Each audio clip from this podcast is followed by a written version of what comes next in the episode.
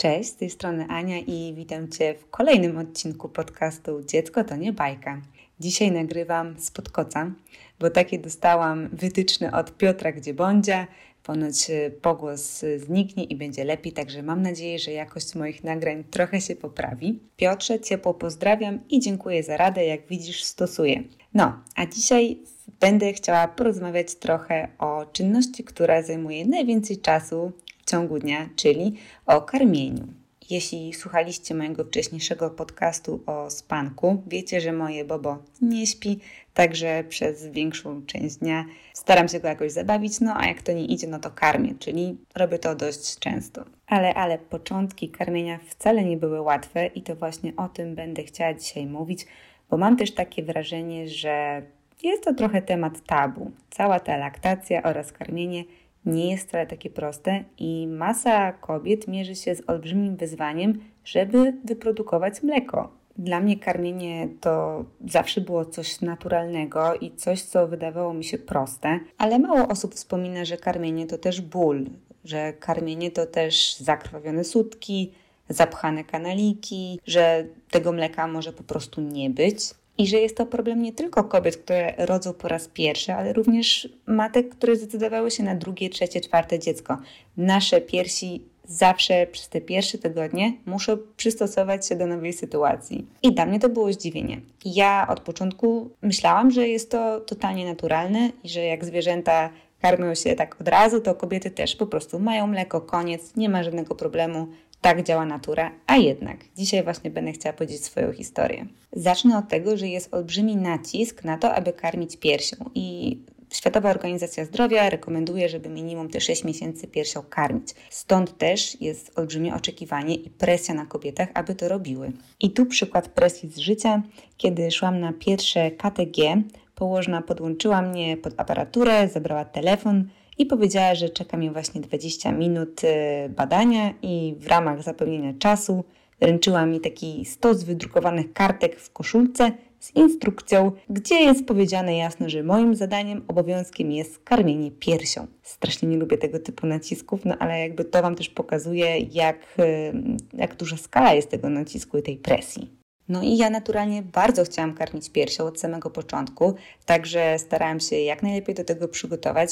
W tym celu kupiłam sobie specjalne staniki do karmienia, takie wkładki, e, które zabezpieczają przed wypływem mleka.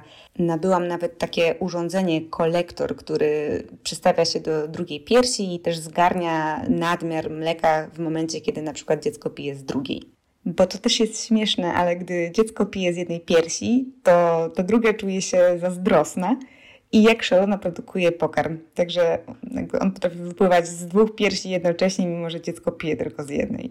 Patrzyłam na różne techniki dostawiania dziecka do piersi, bo to też jest oczywiście ważne, i byłam totalnie pozytywnie nastawiona na to, co się wydarzy, i pozytywnie nastawiona na to, że nie będę mieć żadnych problemów, że w zasadzie po co mi jakiś doradca laktacyjny? Jestem gotowa, dziecko przyjdzie na świat, a ja będę mieć mleko. No ale niestety, w życiu bywa różnie i nie zawsze mamy to, co chcemy. Ja bardzo chciałam rodzić siłami natury, no ale niestety moje dziecko się nie obróciło i musiałam rodzić przez cięcie cesarskie. Bardzo chciałam karmić piersią, no ale niestety nie miałam na początku mleka. I teraz, jak sobie o tym myślę, to trochę wkurzam się na szkołę rodzenia, która w ogóle nie przygotowuje, moim zdaniem, przynajmniej moja, kobiet, które rodzą e, przez cięcie cesarskie. Nie edukują, że może być problem później z pokarmem, nie edukują ich, jak dobrać mleko modyfikowane, no bo jeśli nie mamy pokarmu, to niestety musimy jakoś to dziecko nakarmić. No i najgorsze, nie przygotowują na to, co ich czeka z punktu widzenia takiego emocjonalnego, że jeśli kobieta nie ma mleka, to naprawdę można wpaść w niezłego doła i mieć olbrzymie wyrzuty do siebie, a no nie jest to nasza wina. Pocieszające jest to, że nad tym można pracować i moja historia ma szczęśliwe zakończenie, także zaczynam i mówię, jak było u mnie. Kaja przyszła na świat przez cięcie cesarskie. Cięcie cesarskie sprawia to, że no jest utrudnione kangurowanie. Kangurowanie to jest y, kontakt skóra do skóry. Jest to moment, kiedy dziecko pierwszy raz y, dotyka się z matką i stara się chwycić pierś i zacząć jeść. Jest to najlepszy czas dla matki i dla dziecka, No i właśnie bardzo to sprzyja produkcji mleka. No ale niestety, jesteście na stole operacyjnym i często jest tak, że dziecko jest zabierane na powiedzmy pół godziny, godzinę, w zależności od tego, jak długo będą Was zszywać i tego kangurowania nie ma. To, co mi się udało zrobić, to przekonać lekarza, który dokonywał zabiegu, aby pozwolił, żeby stary mógł być w trakcie operacji. I to się udało. O samym cięciu cesarskim i, i porodzie myślę, że to jest temat na oddzielny podcast, ale powiem Wam, że to była bardzo dobra decyzja, gdyż e, po całym zabiegu dziecko trafiło w ręce starego i to on był kangurem i to on miał tą, ten kontakt skóra do skóry. Kiedy mnie już zszyli, zabrali mnie na salę pooperacyjną i dopiero wtedy przywieźli moją córkę i mogłam ją obejrzeć, mogłam ją dostawić do piersi. No w zasadzie to zrobiła to pielęgniarka, no bo ja byłam już taka bardzo zmęczona. I to był ten magiczny moment, kiedy dziecko po raz pierwszy raz ssało pierś. Ja byłam mega ciekawa, jakie to będzie uczucie, no bo ja już wiedziałam, że nie jest to przyjemne uczucie na początku, że pierwsze karmienia bolą, ale o dziwo było to dla mnie czymś bardzo przyjemnym. No ale powiem Wam dlaczego. Ponieważ byłam na koksie. Ja naprawdę nic nie czułam, nie czułam żadnego bólu, ponieważ y, cały czas jechałam na środkach przeciwbólowych, żeby nie czuć bólu po operacji. No i co się wydarzyło po 30 minutach, kiedy dostawiałam dziecko do piersi? Odstawiłam dziecko i okazało się, że mam całe poranione sutki, ale tak, tak do krwi. Wtedy dziękowałam Bogu, że dzieci nie mają zębów, bo nie wyobrażam sobie, jakby te piersi wyglądały no, w momencie, kiedy dzieci mają zęby. No, musicie też zrozumieć, że dziecko też uczy się odpowiedniego ssania i odpowiedniego dostawiania, także y, no, te początki są trudne. Mimo to bardzo się cieszyłam, że ten pokarm mam, bo wtedy wydawało mi się, że dziecko normalnie je i jest wszystko w porządku, bo nie płacze, jest zadowolone i mamy ten czas ze sobą i to było naprawdę super. Do momentu, kiedy odwieźli mnie na tą salę porod poporodową, nie pooperacyjną, ale poporodową. Umieścili mnie w pokoju z drugą kobietą, która rodziła siłami natury i była to kobieta, która witała na świat swoje drugie dziecko, więc była już doświadczoną matką, już wiedziała co robić, aczkolwiek też musiała sobie parę rzeczy przypomnieć. No i tam na tej sali po paru godzinach usłyszałam bardzo słabą diagnozę, taką, że no niestety ja tego pokarmu nie mam. I przez parę karmień to dziecko moje po prostu y, się nie najadało. I teraz jest czas na fun fact, bo y, ja na przykład nie wiedziałam, że takie małe noworodki przez pierwsze godziny życia potrzebują bardzo mało pokarmu i na przykład przez pierwsze 24 godziny to jest 10 ml na każde karmienie, no i z każdym dniem plus 10 ml. Także przez pierwsze tygodnie one naprawdę bardzo mało jedzą i nie musimy produkować tego mleka tak dużo. Także tego mleka na początku tak dużo nie ma, więc ciężko było mi też zdiagnozować, że go nie mam na samym początku. Dopiero później e, położna powiedziała, że no niestety piersi są puste i musimy podjąć decyzję, jakie mleko modyfikowane wybrać. W szpitalu nikt nie doradzi, którą firmę wybrać. E, ja sama też Wam nie powiem, którą wybrałam. Kierowałam się tym, by w składzie było jak najmniej cukru, żeby jednak mimo wszystko nie uzależniać dziecka od cukru. Ale w ogóle ta decyzja była dość trudna i smutna. E, ja się czułam po prostu beznadziejnie. Czułam, że jestem beznadziejną matką i totalnie nie rozumiałam, dlaczego koleżanka obok mnie miała bardzo dużo mleka. To jej dziecko aż smokało i się zajadało tym mlekiem, a był moment, kiedy no, ja dostawiałam swoje dziecko do piersi, próbowało coś zjeść i nagle widziałam ten taki zawód na twarzy, usta w podkówkę i znowu taki rozpaczliwy głód. I wiecie co?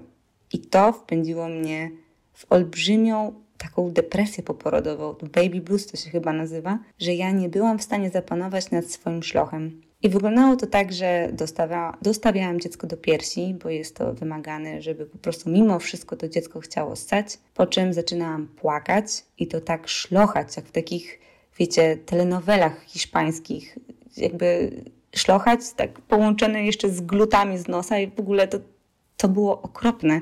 I ja nie mogłam tego zatrzymać i ja ja sama nie widziałam, co się ze mną dzieje, co to był za stan. Głupio mi było przed sobą, głupio mi było, że ta kobieta widziała, jak ja rozpaczam nad czymś, nad czym totalnie nie mam kontroli. Głupio mi też było, że nie jestem taka silna, tylko że rozkleiłam się jak dziecko, a powinnam w tej sytuacji zachować spokój.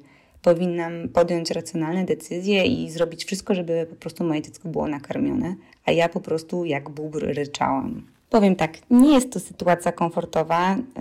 Ja przeżywałam to każdego dnia, że nie miałam mleka. Każdego dnia, kiedy położna przychodziła i pytały nas, jak karmimy dziecko, ja z wielkim wyrzutem sumienia odpowiadałam, że karmię mlekiem modyfikowanym i tłumaczyłam się, dlaczego tak robię, że nie mam mleka.